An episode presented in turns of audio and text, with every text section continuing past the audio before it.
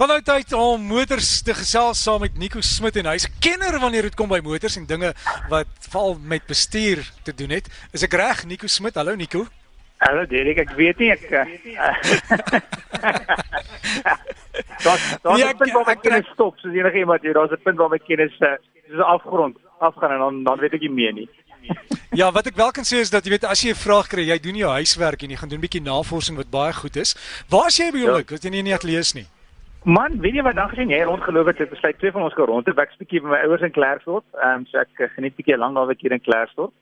So lekker rustig ontspan, uh, weet die beste kos is dit verseker my ma se kos, so weet ek ek is ek het 'n baie lekker naweek. Luister hulle RSG. Ja, natuurlik. Natuurlik, hulle is groot RSG luisteraars. As Hulle by my kom kuier altyd seker maak daar's 'n radio in hulle kamer dat hulle kan RSG luister. So ja, verseker. Nee, ek maak maar net ek maak maar net seker Nico. Ja. Hoorie, ja, Nico. Natuurlik, natuurlik. Ek het 'n baie interessante ding gesien. Ek het dit ook gebruik in die die promo wat ons gebruik het om die weet ons uitsending vandag hier te adverteer. Ek het 'n videoklip gemaak.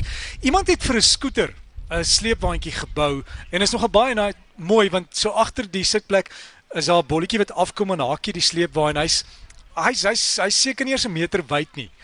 Hakkie hy hakkie hom so agter aan jou skootertjie en daar gaan jy en jy kan hom vollaai.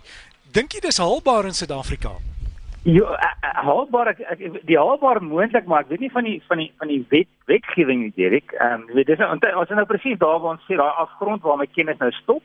So ehm um, ek is nie 100% seker wat die wat die wat die ehm um, wat die wetgewing is nie, maar ek ek sal ek sal nie sommer net dadelik nou my by die huis gaan en my uh, motorfiets ehm um, 'n steepak aansit en en en en 'n waak 'n waantjie aanhaak nie. Ek sal baie versigtig wees want daar's versekerlik gewoonlik wetgewing is baie streng oor enige voertuig en hoe die voertuig moet lyk en veiligheid om die voertuie en die ligte en die flikkerligte en die nommerplaat en die elektrisiteit en allerlei sulke goede. So, ehm um, ek sou sê dat dit nie noodwendig um, ek dink dit prakties lyk dit baie goed, maar eenvoudige iets wat ek nou kan dink is byvoorbeeld die die sleepwaandjie moet ligte hê. Jy kan nie net 'n sleepwa aanhaak sonder ligte nie. So, jy moet dan seker maak daar's genoeg ehm um, krag in jou motorfietsie en uh, en dan 'n 'n kragpunt na die sleepwa wat hy ligte het en flikkerligte het sodat jy rem wat mense kan sien jy rem en as jy draai mense kan sien jy draai. So, ek sou sê maak eers seker ek sal nie net sommer uh, iets vir die huis doen en op die pad gaan ry nie. Ehm um, en die ander ding is ook natuurlik dat ehm um, daai gewig as jy hom vol laai, ehm um, is daar meer gewig wat jy moet probeer stop. So jou motorfiets se remme werk baie goed wanneer die motorfiets ehm um, sien maar twee persone op het. Maar as jy 'n 'n 'n 'n waantjie agteraan het of jy agter jou skooter met rem, is daar baie meer gewig om te stop. En die ander ding is ook dis baie meer onstabiel want as jy ry, ehm um, as as dit byvoorbeeld bietjie meer gewig of te ver agter is, selfs met 'n sleepwa of of te veel op die op die ehm um, as of, of op die hakpunt is, dan kan jy uh, baie onstabiele um, sleepwaandjie kry. So ek sou sê daar's 'n paar faktore om om om in ag te neem. Veral as jy dit self by die huis doen. En, en gewoonlik enige kar, as 'n vervaardiger 'n kar um, na Suid-Afrika bring, moet hulle eers uh, hulle praat van 'n Engels van homologation. Die kar moet eers getoets word. Dit maak nie saak waar die kar is nie, dit maak nie saak hoeveel hy in die res van die wêreld getoets is nie. Hulle moet getoets word in Suid-Afrika vir ons toestande met ons brandstof. So die vervaardigers moet dan gewoonlik baie geld betaal en 'n uh, 'n voertuig word ingebring, net een voertuig. Hy word dan getoets Ehm um, en dan sê hulle dis reg, jy kry die groen lig hierdie voertuig kan jy nou uh, as 'n produksie voertuig inbring. So dit is nie so maklik soos dit lyk aanvanklik nie. Maar ek is seker daar is 'n bietjie huiswerk wat gedoen moet word. Maar Nico, jy het ook daarvoor 'n paar papiere. Ek weet jy gaan doen altyd bietjie navorsing oor 'n navraag. Wat's op jou skedule? Verseker, uh, Derek ons praat 'n bietjie vandag oor ehm um, weer oor elektriese karre, maar hoe om elektriese voertuie te laai want ehm um, ons het al 'n paar keer gepraat oor elektriese voertuie. Dis verseker die toekoms. On, ons weet elektriese karre ehm um, vervaardigers ehm um, werk baie hard um, om nou te sê oor ons ehm um, gaan elektriese voertuie meer weergawe na die wêreld bring.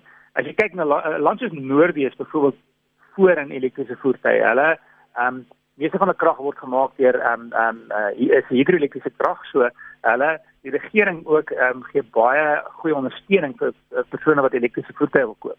Nou Suid-Afrika ehm um, is daar uh, volgende jaar een van die voertuie wat na ons toe gaan kom in die begin van jaar is Jaguar se I-Pace. En uh, wat wat belangrik is wat is nie net die voertuig nie want met 'n enige binnebrand engine uh, die voertuig kom na Suid-Afrika en um, hy word um, die toets word gedoen en dan is dit maklik om die voertuig te laai of of, of brandstof in te gooi. Met elektriese voertuie is is nou 'n hele ander storie want as jy elektriese voertuig koop, is nommer 1 is moet jou huis reggemaak word om die voertuig te kan laai. So as jy 'n motorreis het, is dit gewoonlik redelik maklik. Daar's die tyd krag in die motorreis, so daai daai verandering is nie dit is nie moeilik om om om om om jou laaier te installeer in die motorreis nie. As jy voertuig buite staan, dan begin dit 'n ander storie raak want ehm um, weet dan is die infrastruktuur net in jou huis al klaar redelik moeilik om om te installeer of of dit is nie so maklik soos as jy 'n motorreis het. Gelukkig meeste daar's nogal baie mense wat motorreis het, so in daai opsig is dit redelik maklik. Dan ook as jy net na jou huis kyk is wat is die krag by die huis? Gewoonlik as ons huis in Suid-Afrika 220 volt, ek weet jy kan ook hoë stroom ehm um, krag kry by sekere ehm um, komplekse, so dit gaan dit makliker maak om om om die voertuig te laai.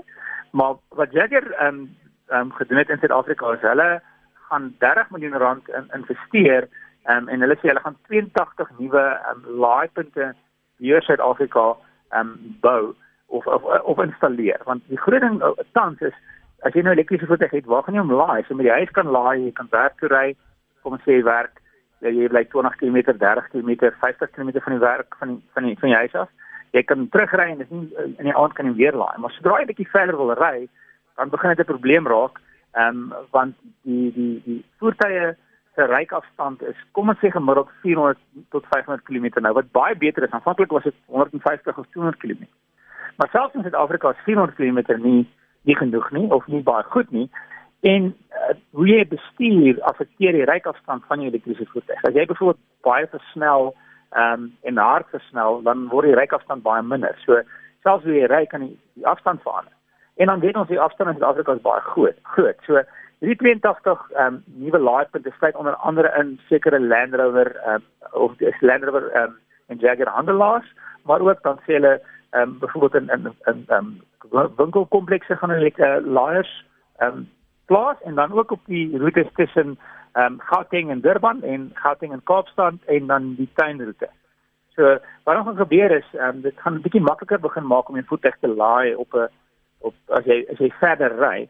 Maar jy moet ook maar nog steeds onthou dit met met 'n binnebrand engine is dit baie maklik. Ek stop, jy maak vol, ehm um, kom ons sê 3 minute later is die tank vol. Ek het betaal so minder as 10 minute kan ek weer ry. As ons kyk na 'n elektriese voertuig, kom ons gebruik nou die die iPace as 'n voorbeeld. As jy 'n uh, wat hulle noem 'n fast charger het, met ander woorde dis 'n 'n hoër stroom ehm um, laaier, dis uh, 60 kWh dan gaan dit 20 minute vat vir jou om 'n 100 km ryafstand te kry. Met ander woorde, na 20 minute kan jy 100 km weer ry. So van as jy 80% van die battery wil laai, kan jy tot en met 72 minute vat om die battery net te tot 80% te herlaai. Nou gewoonlik is dit is is dit dan is dit baie maklik met 'n binnebrand engine. So dit is wat jy dan definitief uh laat heroorweeg of dit moet werd is om 'n om 'n elektriese voertuig op 'n lang afstand te kan gebruik. Ehm um, so ek vermoed dat die infrastruktuur gaan beter word Ehm um, en en uh, die vervaardigers hopelik gaan almal saam staan om te sê weet jy kom ons staan almal saam ehm um, en as daar meer laaipunte in Suid-Afrika is gaan dit baie makliker maak.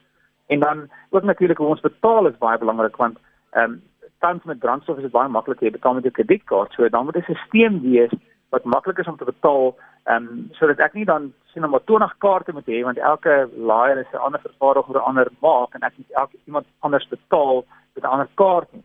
Ehm um, byvoorbeeld as jy kyk na Europa, het hulle een stelsel wat hulle noem Ionity wat deur die hele Europa is en dit een kaart wat jy gebruik by al die laaipunte.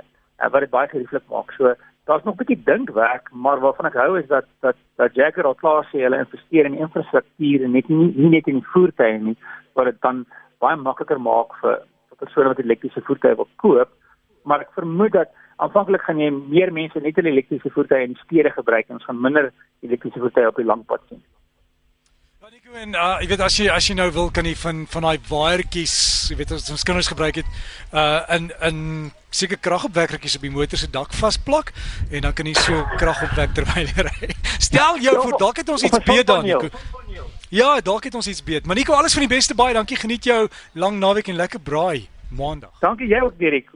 Sien jou volgende Saterdag. Ons gaan Ons gaan se maak baie dankie en dit dan Nico Smit hier saam met ons. Hy is een van die opleidingsbeamptes vir 'n groot motorvervaardiger en altyd goed om oor motors te gesels.